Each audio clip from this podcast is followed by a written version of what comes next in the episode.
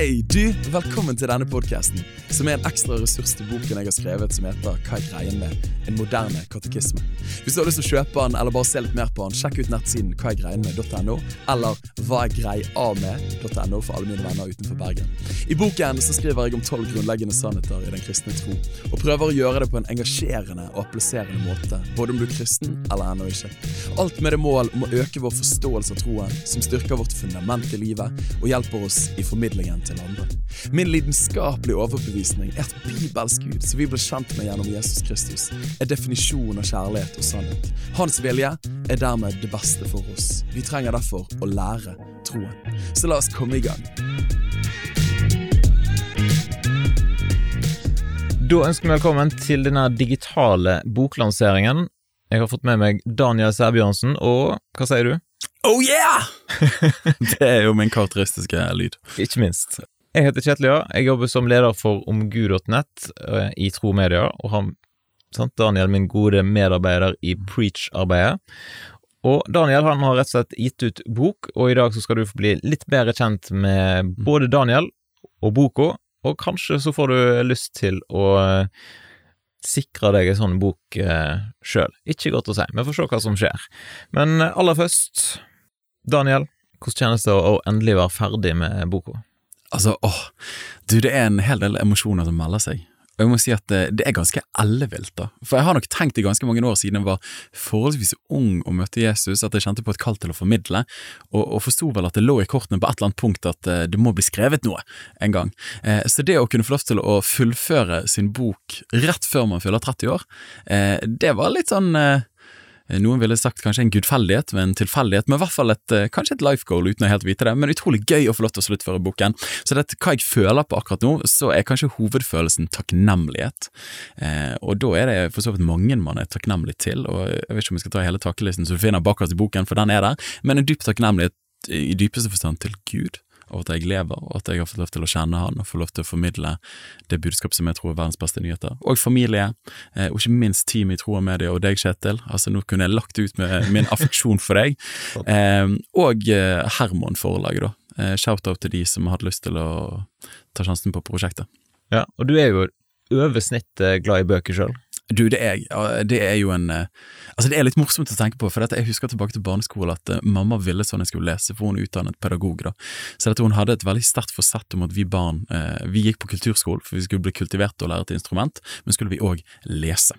Uh, ingen av de to tingene syntes jeg var særlig gøy, så dette måtte liksom et dramatisk et gudsmøte i åttende klasse til for at jeg forsto at når jeg er kristen, da må jeg lese min bibel, og da begynte jeg å gjøre det, og da vekket det lysten. Da. Ja. Så jeg tror nok at min leselyst eh, har kommet som en frukt av min lidenskap eh, for Gud. Vi skal ta noen kjappe spørsmål eh, for at eh, folk skal bli litt bedre kjent med deg. Ja. Og her er det bare lov til å svare én setning. Oi, oi, oi. Så når er du født, og hvor? Jeg er født 14. Eh, august 1992 på Kvinneklinikken her i, i Bergen. Og hvor er du vokst opp? Jeg er vokst opp i, Det er jo ingen hemmelighet for de som kjenner meg, men Åsane bydel utenfor Bergen. Come on, baby. Hvor mange søsken har du? Jeg har tre Vi er tre, vi har to søsken. er vanskelig, det her. Det er litt i saus. Eh, sivilstatus uh, i dag? Du, jeg er lykkelig gift eh, med min uh, kjærlighet fra tilbake til barneskolen. Jeg skulle svare liksom veldig kort. Var det, det var en setning. Ah, herlighet, jeg gjør det dårlig, beklager. Jeg er gift med verdens uh, fantastiske Helene. Seks år inn i ekteskapet. Og så har vi to barn, og venter snart for tredje, som er termin 1. februar 2023. Favoritthobby på fritida? Fjellturer og være med venner. Punktum. En setning. Yes. yes. En ting du skal gjøre før du dør. Bucketlist. Én ting. Ja, si det. Uh, jeg har lyst til å reise mer i verden. Definitivt. Det var veldig brei. Uh... Ja, var det. Det var kanskje dårlig. Det andre jeg har lyst til å si, er å gå eh, enda flere fjellturer på Vestlandet. Men ah, det er for dårlig, det òg! Hva er det jeg har lyst til? Um, ah, jeg har lyst til å ta med familien min på et eventyr utenfor Vestlandets grenser. Eh, type til eh, Afrika eller til eh, Latin-Amerika. Og få lov til å oppleve en annen kultur, eller noe sånt, og se eh, menigheten blomstre på en annen måte enn det vi gjør her. Det har jeg lyst til. Mm. Good. Da tar vi det opp eh, et lite hakk. Eh, hvis du skal velge én av delene, Åsane eller Fana? Oi! Altså Akkurat det der var jo softball. Åsane any day, anytime. Jeg syns den var nesten litt, uh, litt for lett. Ja, han var faktisk det. Snakke østlandsk eller trøndersk? Åh. altså, det er jo tøft å spørre en bergenser om uansett. Eh, jeg hadde nok lent på østlandsk, eh, og jeg hadde tvilt meg fram til det, beklager. Men eh, jeg er veldig glad i mine trøndervenner. Men jeg, det er intenst. Det er det, ja. Mm. Man kunne sagt mye. Eh, fotball eller curling, og da eh, tenker vi vel kanskje spille eller se på. Da kan du velge. Jeg har et spørsmål. Um, nei, jeg hadde nok sett på fotball, for curling er forholdsvis monotont i lengden. Jeg, Jeg var eneste jeg faktisk sto opp for å se når det var OL, sånn midt på natta, Ja. så var curling. Var det curling? Ja, ja, jeg Er det synes det var super. Ja, men det var når eh, han eh, Nils Trulsen eller Er noe de som har sånn rutete bukser eller eller annet Jeg tror det var faktisk før deg. Det var før det, ja. Ja. Jeg er skikkelig gammel, men eh, det var nå bare en side note. Nei, okay, da. Så jeg hadde nok sett på fotball, men jeg hadde nok foretrukket å spilt curling. Ja. Har du prøvd det? Du, jeg har prøvd det en gang på, på vestkanten i Bergen, ja. Iskanten, Iskanten, tror jeg det er. ikke sant? Ja, beklager. Alle Loddefjord-venner. er. Neste, kjøtt eller vegetar? Åh, tenk å få en sånn softball.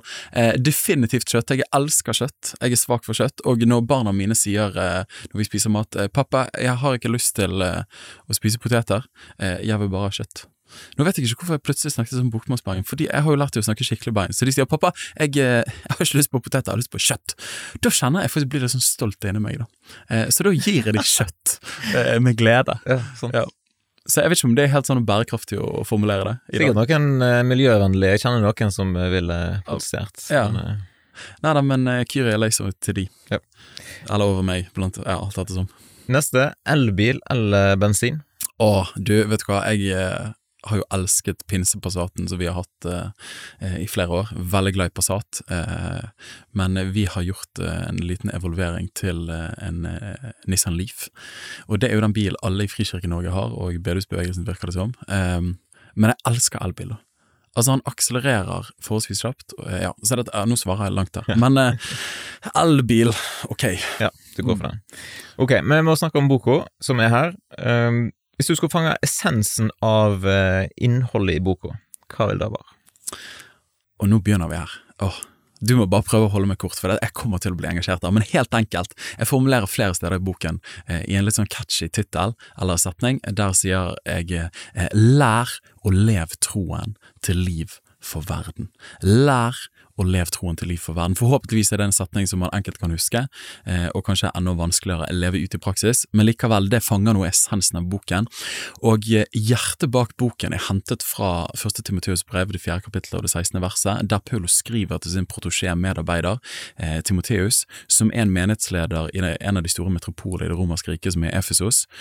Og han skriver til han, og det er akkurat som jeg ser for meg at han gir noen av de mest faderlige rådene til en medarbeider som han ønsker skal lykkes både i liv og i lederskap. For det er et faktum med at Timoteus møter sterke filosofilærer, ideologier på utsiden av menigheten, men møter på vranglære på innsiden av menigheten. Og så gir han han disse tidløse ordene. Han sier eh, gi akt, med andre ord pass på deg sjøl, gi akt på deg selv og på læreren. Fortsett ved det, for når du gjør det skal du frelse både deg sjøl og de som hører deg. Med andre ord så gir han to imperativer, to påbud, og så gir han òg to løfter. Så hvis du passer på hva du tror, hva du lærer, hva du bekjenner, hva du formidler, men òg passer på måten du lever det ut på, så vil det lede til frelse for din egen del. Men så vil det òg føre til at mennesker rundt deg begs the question hva er det med deg som er annerledes. For jeg tror at fortellingen om Jesus Kristus er den bedre historien som vekker hjemlengsel i ethvert menneskes hjerte. Som gjør at når vi lærer troen og lever troen, så blir det til liv for oss sjøl, men òg for verden rundt. Og en av de bildene som eh, som jeg opplever har vært viktig for meg for å forstå kristen dannelse, men, men hvordan vi formet lik Kristus, eh, så er, er liksom hjerte, hode, hender. Da. Eh, så boken, essensen i boken, første introkapitlet heter Lær troen, som handler om hodet vårt, og vi må vite på hva vi tror. Og så er det siste kapitlet handler om lev troen. Med andre ord, vi må leve det vi tror. Og så hvis man skal ha litt sånne fine termer som jeg er veldig glad i, men som ikke alle andre alltid er så glad i, men nå er jo det vi som er her, så er dette du stilte meg spørsmålet. Men på engelsk har vi med det ordet Altså Da handler jo det første om å lære troen handler om ortodoksien, altså rett tro, vi må tro rett, men så handler det siste om ortopraksien, det handler om at vi må ha rett praksis, men så er det et element som òg er inneflettet i hele boken, som handler om orthopathy, eller ortopatien, er litt sånn dårlig å si det på norsk, jeg fant ikke noe jeg googlet det på norsk, men det handler om emosjonene våre, at vi har de riktige følelsene, med andre ord at vi har møtt Kristus i hjertet og ønsker å følge han, men det får en konsekvens for at hjertet vårt brenner, hodet vårt er berikt, og at hendene våre er beveget. Ja. Så det er hjertesukket i boken. da. Var det, var det et svar? Det var et grundig Det svar. var et eh, relativt langt svar, iallfall. Ja, det var det. Hvis du skal si noe om hvem du tenker denne boka her er for, Mm. hva er aldersgruppa, eller Jeg jeg har et håp. Altså, dette er jo en trosopplæringsressurs. Eh, eh, og jeg håper at for den litt våkne konfirmant, så kan man få mye ut av denne boken her. Eh, opp til type 30 år gammel. Eh, men så har det seg sånn òg når jeg har jobbet med denne boken her, at jeg, altså, innholdet i boken er jo tidløst. Og det er jo ikke sånn at idet du eh, tipper 30, så har ikke du behov for lenger kjennskap til den kristne troen, hva vi faktisk tror, langt derifra. Eh, men hovedsegmentet som jeg siktet meg inn på, er type 15-16 opp til 30. Ja, så håper han treffer godt der. Og så skriver du noe om kristne kunnskapshull i innledningen. Ja. Hva mener du med det? Altså, Kunnskapshull er et begrep som jeg ble kjent med når jeg studerte pedagogikk og utdannet meg som lærer, og der lærte vi det, og senere da jeg jobbet i skolen, så forsto jeg det at eh, elever kan ha kunnskapshull i den forstand at når man sier man har kommet til fjerde klasse, så er det i læreplanet så er det en forutsetning at når du har kommet dit, eh, så tar man utgangspunkt i at du kan det som kreves å kunnes til det stadiet. Da. Men når da elever av ulike årsaker, enten av familiebakgrunn eller komplikasjoner i eget liv eller mye fravær, ikke har fått med seg den kunnskapen de trenger når de kommer til fjerde klasse, så mangler de noe for å bygge videre i de neste treene. Da. Og det jeg skriver i boken, så har jeg en underoverskrift som handler om kristen kunnskapshull, og det tror jeg er en av de farene som jeg synes å registrere i Menighets-Norge i dag, og blant kristenfolk i dag, og ikke minst kanskje særlig unge i den tiden vi lever i i dag, er at man, man skulle tro at man visste, og hadde kjennskap til noen av de grunnleggende sannhetene i den kristne troen, men så blir jeg stadig vekk overrasket over at, at man gjerne ikke har det nå. Og det synes jeg har vært utrolig trist, og der er jo profeten Hosea i Det gamle testamentet, det fjerde kapittelet og det sjette verset, så stiller han en ramsalt diagnose over israelsfolket i den gamle pakt, og sier han at mitt folk går til grunne på grunn av mangel på kunnskap. Og den diagnosen der tror jeg dessverre kunne blitt stilt på store deler av kristenfolk og ungdomsgenerasjonen i dag, og det gjør meg sorg, da. Og grunnen til at det gjør meg sorg, er jo så det allmenne uttrykket sier at hvis du ikke står for noe, så kan du falle for alt. Da. Derfor tror jeg det er helt uh, utrolig viktig at vi vet på hva vi tror, om vi skal bli stående i denne tiden her. Da. For faktum er at, at vårt fokus, det former oss. Vårt fokus, det former oss. Og en morsom historie inn mot disse tingene som jeg har tenkt på, eh, tenkt på i forbindelse med dette, er at det kom en mann, eh, det kom en person til en mann som bodde langs en motorvei, da, en artig historie. Han bodde sikkert i Åsane langs E39. Eh, og så kom han bort til ham og sa du, blir, du, blir du preget av å bo her langs motorveien? Og så sa han Nei. um, og da var jo helt åpenbart at han ble preget, men han visste ikke om det, da. Og eh, jeg skriver det i boken at eh, jeg refererer til en mysjolog som heter Paul Hibert, som jeg lærte om under teologistudiene mine, eh, som hadde vært misjonær i India. Og han hadde vært misjonær der i flere år, og så kom han tilbake til USA og jobbet på Fuller Seminary, og ble en anerkjent mysjolog da. Og det han sa var noe av utfordringen, og han hadde en sånn traktmodell da, med tre ulike lag, og den refererer jeg til i boken, der at man på det øverste laget, som er det øverste delen av kulturen, handler om de ytre uttrykkene. Så det er at ok, en person er kristen, tre ulike grader av omvendelse. Så første graden er at ok, jeg, jeg eh, går på kristne møter, jeg synger kristne sanger, jeg eh, på en måte, jeg, jeg oppfører meg kristen, så at folk ser på meg når de ser min atferd på gudstjenester osv., så, videre, så tenker de oi, han er kristen. Og så er det laget under der som handler om, om trosforestillinger og trossystemer i hjertet sitt. Ok, jeg tror Jesus er Guds sønn, jeg tror han døde for mine synder, så det handler om noen av, av av de dypeste liksom, overbevisningene, dette er det jeg tror, da. Men så lodder han ett lag dypere, og han snakker om verdenssyn, måten man forstår og fortolker virkeligheten på, og han sier at utfordringen er som man møter på misjonsmarken, var gjerne at folk kunne ta imot Jesus i en stamme, og så tenkte man hei, nå er vi i havn, liksom, dette er knallbra, men så plutselig fant de ut at eh, ikke bare hadde de tatt imot Jesus, men de fortsatte å liksom eh, ofre røkelse til forfedrene sine. Og så kom de til dem og bare sånn Ja, men hva skjer her, liksom? Altså, skal ikke dere, Er ikke det JC, Jesus Christ, dere følger? Men så holder dere på med disse gamle, primitive tingene. Dere driver rett og slett en synkretisme, altså religionsblanding.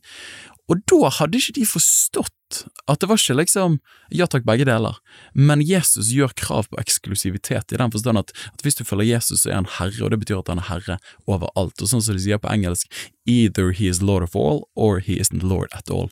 Poenget er at man ikke hadde et kristent verdenssyn i bunn.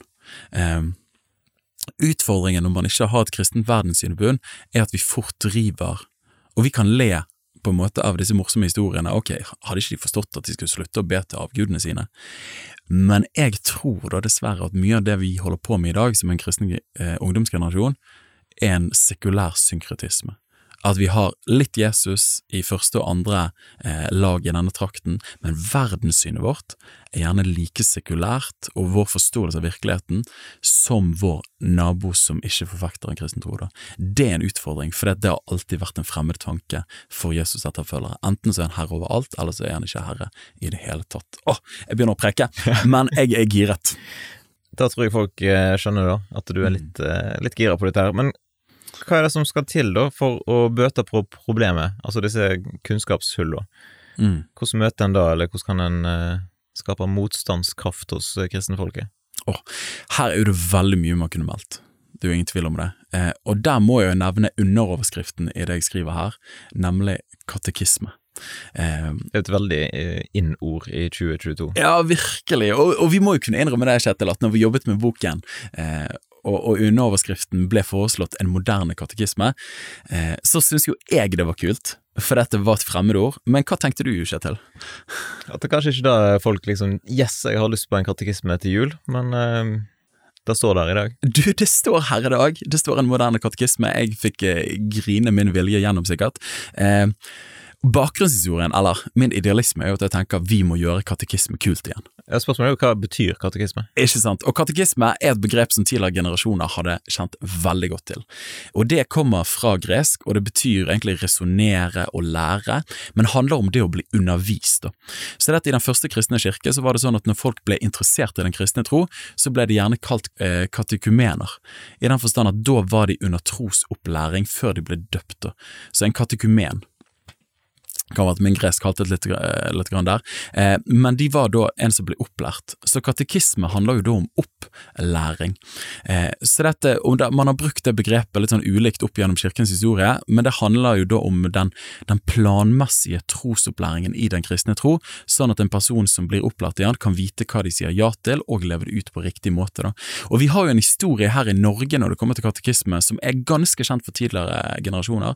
Så Hvis jeg sier Erik Pontoppidan, Vekker det noen assosiasjoner til kristendomstimer eller noe sånt? For noen gjør det sikkert det. Eh, jeg vet ikke om jeg er født, er, jeg så uh... Beklager, jeg tenkte nok at du hadde lært om han, ikke at Jo, altså, jeg har jo eh, studert trosopplæring en eller annen gang, så jeg bare bør jo ha vært bortom han. Bakgrunnshistorien der var jo at kong Kristian 6. av Danmark-Norge i 1736 innførte obligatorisk konfirmasjon i Norge, der han sa at 'everybody has to be confirmed'. Det var vel ikke akkurat det han sa, men at folk skulle gjennom en konfirmasjon. Men så fikk han, på, fikk han et problem, og det var jo at folk visste jo ikke nødvendigvis hva de skulle tro. Derfor var det vanskelig å konformere de, altså bekrefte at de trodde det de skulle tro. Så da får han sin hoffprest, som het Erik Pontoppidan, som senere ble biskop i Bjørgvin i Bergen. I 1737 så ga han ut en bok som het Sannhet til gudfryktighet. Så det var 759 spørsmål-svar, altså konsise spørsmål og svar, som skulle gi grunnleggende kjennskap til den kristne tro, og dette måtte alle i Norge gjennom for å kunne bli konfirmert, og i mange tilfeller måtte kunne det på rams. Er det da du håper at folk skal gjøre med de bok, eller? Det er akkurat det. Min drøm er kanskje ikke inn på offentlige skoler, men at alle kristenskoler skal lære den utenat. Nei, eh, eh, og da forsto jo kong Kristian det at eh, folkene kunne ikke lese katekismen hans, så da måtte det bli obligatorisk skole. Så i 1739 så kommer det obligatorisk skole, da. Poenget var i hvert fall at store deler av Norges befolkning, for så vidt alle, hadde da en grunnleggende kjennskap til den kristne troen. Og Hvis du leser da vekkelseshistorie i Norge, eh, og refererer til Johannes Klepper, som er en glitrende bedehushistoriker, han sier det at det at folk hadde en forkunnskap til den kristne troen, gjorde at når da evangeliet ble forsynt, så var det på mange måter som å kaste eh, en fyrstikk på vedkubber. Utfordringen i dag er at vi har en ting er at vi har en generasjon og en folkemasse i landet vårt som, som ikke har kjennskap til den kristne troen, så er det vanskelig å connect the dots, som Tim Keller sier når vi forsyner evangeliet, men så er det òg kjempeutfordring for den kristne generasjonen i dag, at man ikke vet hva man tror. Og sånn som jeg sa i sted, hvis du ikke vet hva du tror, så kan du falle for alt. Så det er det jeg ønsker, rett og slett, i god pedagogisk ånd og i god kristen eh, tradisjon i Norge, å være med å oppdra den kommende slekten og denne generasjonen en kristen forsakelse tro, at man vet, som man kan si som Paulus i 2. Timoteus 1,12, jeg vet på hvem jeg tror. Jeg vet på hvem jeg tror. Um, og da må jeg bare smette inn noe der, uh, for ett vers som har vært viktig for meg i løpet av de siste årene har vært Paulus Paulus' brev til kolosserne. De møter masse vranglære, eh, mye gnostisisme, som er et fint ord, og så sier han i det andre kapittelet, åttende verset, eller i sjette og syvende verset, så sier han dere har tatt imot Kristus, så vandre i han. Med andre ord, ok, du sier du tror på Jesus, men pass på at du da lever på en måte som samsvarer med din bekjennelse av tro på han. Men så sier han i det åttende verset, som kunne vært talt rett inn i vår tid i dag, han sier pass på Pass på at ingen fanger dere med filosofi, altså visdomslære, med tomt bedrag, etter menneskelig overlevering av tradisjoner og menneskelig påfunn, etter grunnkreftene i verden, det som man gjerne ville kalt eh, altså krefter, demoniske krefter, altså, det som ikke er fra Gud, men som ikke er etter Kristus. Og da er poenget han sier til dem, pass på at dere ikke blir fanget av en virkelighetsforståelse som er ut ifra menneskelig filosofi, ideologi, meninger, verdier, wokeness, whatever you want to call it, det kan være alle ideologier som vi mennesker forfekter, men som ikke henter sin hjemmel i sannheten om Jesus Kristus. Da. Og dette bygger jo på den grunnleggende overbevisningen min og resten av oss som er kristne, at vi ønsker Vi tror på objektiv sannhet. Jesus sier i Johannes 14, 6, sier han, jeg er veien, sannheten og livet. Han sier ikke jeg er en sannhet blant mange sannheter, han snakker bestemt form og entall, jeg er sannheten. Så da betyr at vi har lyst til å leve, og hva er sannhet for noe? Sannhet er jo det som samsvarer med virkeligheten. Og virkeligheten er det som er godt for oss. Så for eksempel, Kjetil, hvis du tenker at uh, at uh, Hvis du tenker at uh, det er trygt å kjøre utenfor fergeleiet her eh, på Stord, på, på Sandvikvåg, på vei til Bergen, og du tenker at det er en vei utenfor der, men virkeligheten er at det stopper der med bommen, og da går du rett ut i sjøen. Men hvis du tror en tanke en forestilling om at veien bare fortsetter, eh, så kan du gjerne leve i den virkelighetsforståelsen, men du kommer til å møte virkeligheten ganske brutalt, og det kommer til å bli et vått møte. Men vi har lyst til å leve på en måte som samsvarer med virkeligheten, for det er det beste for oss. da. Der kommer vi kristne, og da sier vi frimodig at det vi tror er den ultimate virkeligheten, er Gud og det er hans vilje for oss. da. Så det, det å forfekte og formidle en kristen tro handler ikke om at vi har bare lyst til å vinne folk over til vår måte å se verden på, virkeligheten og vår verdiforståelse, men det handler om at vi tror at, at den Gud er, og det han formidler, er sant, altså virkeligheten. Og når vi kjenner virkeligheten, Johannes 8, 32, når vi kjenner sannheten, skal sannheten sette dere fri. Det ordet sannhet kan også oversettes med virkelighet. Hvis du kjenner virkeligheten, så vil det òg være det som frigjør deg. Ah, nå beveget meg litt inn i filosofisk rom her, eh, men dette er nøden, da. Ja. ja. Så vi videre til neste spørsmål her. Det er at eh, kristne kan jo av og til bli karakterisert som fordømmende. Mm. Eh, og kanskje læren og livet ikke helt stemmer overens. Hvordan skal vi forhindre dette? Åh, hvor lang tid har vi? Vi har ikke all tiden som vi burde hatt til dette. Men eh, det første Eh, sånn som Første eh, delkapittel i boken handler om å lære troen, men det siste handler om å leve troen. Hvis vi ikke skal bli oppfattet som hykleriske, så er det kjempeviktig at vi ikke bare er rett troende uten livet som prøver å samsvare med det. Så Det første jeg vil si i møte med det, for å ikke bli oppfattet hyklerisk, er jo at vi må leve det vi lærer. Og det store ordet i dag er jo autentisk, det at vi er troverdig, at det er hel ved, at vi har integritet, vi er den samme på innsiden og på utsiden. Så vi trenger eh, å leve det vi lærer, da. Eh, og her tror jeg her er det store ordet og det store ordet i boken, og som jeg prøver å ende alle dogmene på, er å ende i evangeliet. For jeg tror at evangeliet, som er de gode nyhetene om hva Gud har gjort for oss, og som Romerne 4,25 sier, at han døde for våre synder, og han oppsto til vår rettferdiggjørelse, på grunn av at Gud elsket oss så høyt. Hvis jeg lever med en forståelse av evangeliet, at jeg i meg sjøl er en synder, jeg kommer til kort, jeg messer det opp, men på grunn av at Gud elsket meg så intenst, så har jeg fått lov til å bli tilgitt, og jeg får lov til å invitere andre mennesker inn i erfaringen av hans kjærlighet og tilgivelse.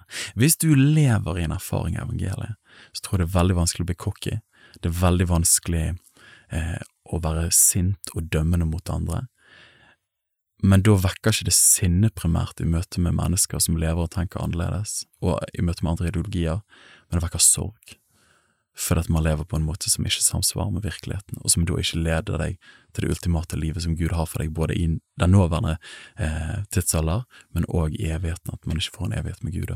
Så dette, hvordan forhindre at vi er hyklerisk, det første jeg ville sagt er lev evangeliet. Og så trenger vi, trenger vi åndens nærvær, vi trenger Den hellige ånd. Vi kunne snakket mye om det, men jeg tror den første frukten av Den hellige ånd er kjærlighet. Så henger du med Gud og blir fylt av Hans ånd, så bør det første som tyter ut av deg, være kjærlighet. Med boka sitt budskap i tankene, da, hva er ditt hjertesukk til deg som nå eh, enten hører på eller ser på, på videoen? Mitt hjertesukk har helt sikkert blitt åpenbart i løpet av disse øyeblikkene, det vil jeg tro. Eh, mitt hjertesukk er lær troen. Og Efeserne 3 snakker om Kristi uransakelige rikdom. Jo mer jeg leser og blir kjent med Jesus og lærer om den kristne troen, så ser jeg at den kristne troen gir ikke eh, detaljerte svar på alle livets spørsmål, men gir definitivt de beste svarene i møte med livets spørsmål. Så mitt hjertesukk til lytterne og de som ser inn, er lær troen og lev troen til liv for verden. Og så må jeg bare smette inn evangeliet. Eh, bli fanget av evangeliet, bli grepet av evangeliet, bli, bli bergtatt av evangeliet, for evangeliet er aldri noe du uteksamineres fra, men evangeliet er ferskvare. Eh, evangeliet er det som føder deg i troen, og det er det som fostrer deg i troen, og det er det som vil gjøre deg fullkommen en dag. Eh, så mitt hjertesukk er bli grepet av evangeliet, lær troen, lev troen. Og helt til slutt, da. Hvis folk eh, nå har blitt litt gira på å få med seg hva du skriver i boka, mm. og dykker enda dypere inn i tematikken her, Ja. Hvor får de tak i boka? Hvor du får tak i denne boken her, eh, jeg tror det er umulig å nesten gå glipp av det hvis du har lyst til å finne den. Du kan google det så klart, og da kommer det opp, men gå inn på hva er greien med.no, eller for våre østlandske venner, hva er greia med.no, vi har kjøpt begge domener. Eller så kan du gå inn på tromedia.no sin nettside, du kan gå inn på hermon.no, shout-out til de. Eh, så du kan gå inn på de stedene der, eller så kan du bare se på lenken rundt, eh, under denne podkasten eller denne filmen som du ser akkurat nå, så vil du finne den der, da. Og jeg må òg bare si at i møte med boken, så tjener ikke jeg noe på denne boken her, men alle pengene som kommer inn, eh, går inn i det å være med å fortelle en bedre historie om Jesus til dagens mennesker. Absolutt. Så må jeg skyte inn, da, så jeg er jo gift med ei som driver en lokal kristen Ja, bokhandel. det glemte vi! Eh, Fyr på! Stikk innom en uh, kristen bokhandel hvis du har det i nærheten av deg sjøl, Mm. og, uh, og støtt deg med å kjøpe boka der. Definitivt. Er det lov til å si? Vet du hva, det er veldig lov å si. Jeg hadde en samtale med forlaget i går, og da sa de akkurat det samme. Be folk gå til sin lokale kristne bokhandel, for vi trenger å se at de blir støttet. Men så er det òg kult, da. Jeg har en mamma som, som jeg digger, men hun pleier av og til å gå på de eh, liksom vanlige bokhandlene og etterlyse kristne bøker. For da bestiller de inn, for de har jo de tilgjengelig på sine nettbutikker, eh, og da får de følelsen av at vi trenger å ha disse bøkene i butikkene våre. da. Så det er òg et tips hvis ikke du har en kristen bokhandel i nærheten av deg. Ja, absolutt. Helt noe annet. Tror du han kommer ut på biblioteket? På sikt? altså målet er jo det, da. Det hadde vært veldig gøy. Eh, så vi satser på det. Og jeg hørte det var en som sa at eh, du vet du har gjort det bra som forfatter når du finner boken din igjen på brukt bokhandel. Så jeg er jo hver sommer i Fjærland i brukt eh, bokhandel, og jeg bruker noen timer der på å kjøpe masse billige kristne bøker. Det er jo et hav av bøker, da. Så det, det året jeg finner han der i hyllen, da er sirkelen sluttet. eh, så det blir veldig gøy. Da kommer du til å kjøpe den sjøl der. ja. Eh, Men det er jo mer enn bare ei bok, da. Vi vi har lagt denne videoen her, og, og podkast og greier. Hva, hva mer kan folk finne? Dette, Kjetil, kunne nesten du sagt mer om enn meg. Eh, for du har vært veldig viktig i produksjonen av alle ressursene rundt her. Og det må jeg bare si shout-out til deg, Kjetil. Du har vært så viktig i disse tingene her. Eh, dette har vi ikke skrevet i manus, eh, og vi har vel ikke fulgt med manus altfor godt heller. Men, men vi har jo tatt sikte på å lage en trosopplæringsressurs for at folk kan vokse i sitt kristne liv. Men så må det òg sies at denne serien ble også laget for de som ennå ikke har en definert tro på Jesus, men er nysgjerrig på den kristne troen. Så det vi da har, er at til hvert hver av disse tolv dogmene, som er tolv grunnleggende sannheter innen kristen tro, så lagde vi en temafilm som tar opp essensen i den dogmen. Så lagde vi en ekspertpodkast der jeg sitter med ned med en som har litt peiling på akkurat det området, og snakker om det. Og så lagde vi en Q&A-episode til hver dogme òg, eh, eller hver sannhet, der jeg og Helene svarer på innsendte spørsmål. Så det er jo tre ressurser til hvert kapittel i boken. Det finner du alt inne på hva er greien med.no. Der finner du disse ressursene. Og eh, jeg, jeg, tenker jo litt grann i bokstavrim, det er jo sånn Kjetil har lært meg å kjenne, og mange flere. I bunn og grunn så har vi en eh, budskap som vi har lyst til å formidle, som er Lær å leve troen. Det kommer ut i bokform, men så er jo målet vårt en bevegelse. Så der fikk du tre b-er. Så vi har et budskap som kommer ut i en bok, men målet er mye mer enn en bok, men det er en bevegelse. Jeg tror ikke det er mange bøker som blir gitt ut eh, som har så mange ressurser rundt. Mm. Kjenner du til andre som, som stiller med både podkast og video og forskjellig? Eh, nei, ikke i samme grad som dette. Det kan jo godt være at det finnes, bare at vi ikke følger med. Men, eh, men jeg syns det er stilig iallfall, da. At en eh, har så full pakke, kan man si. Mm. Veldig, veldig gøy. Så vi håper, vi ber, og vi lengter etter at dette virkelig kan få lov til å bli en ressurs for alt Guds folk i denne tiden. Yes. Mm. Da sier vi tusen takk for at uh, du har sittet på, eller lytta til. Mm. Og hva sier du til slutt uh, da, Daniel? Da sier vi løp og kjøp. Eventuelt så trodde jeg at du skulle si yeah. Vi kan si det. Skal vi prøve en gang til? Får du si det en gang til? Nei, det går bra. Du går. Kan, helt slutt, Daniel. Hva sier du? Da sier jeg oh yeah! løp og kjøp, min venn. En episode er over. Jeg håper du fikk mye ut av den. Hvis du er giret på enda mer, sjekk ut boken på hvaegreienmed.no og andre ressurser som finnes der. Og til slutt har jeg lyst til å dele bibelverset som har vært min drivende motivasjon bak det hele prosjektet, som er Paulus sine ord til Timoteus. Gi nøye akt på deg sjøl og på læren. Fortsett med det, for når du gjør det, skal du frelse både deg sjøl og de som hører deg. 1. Timoteus 4,16. Så la oss lære å leve troen til liv for verden.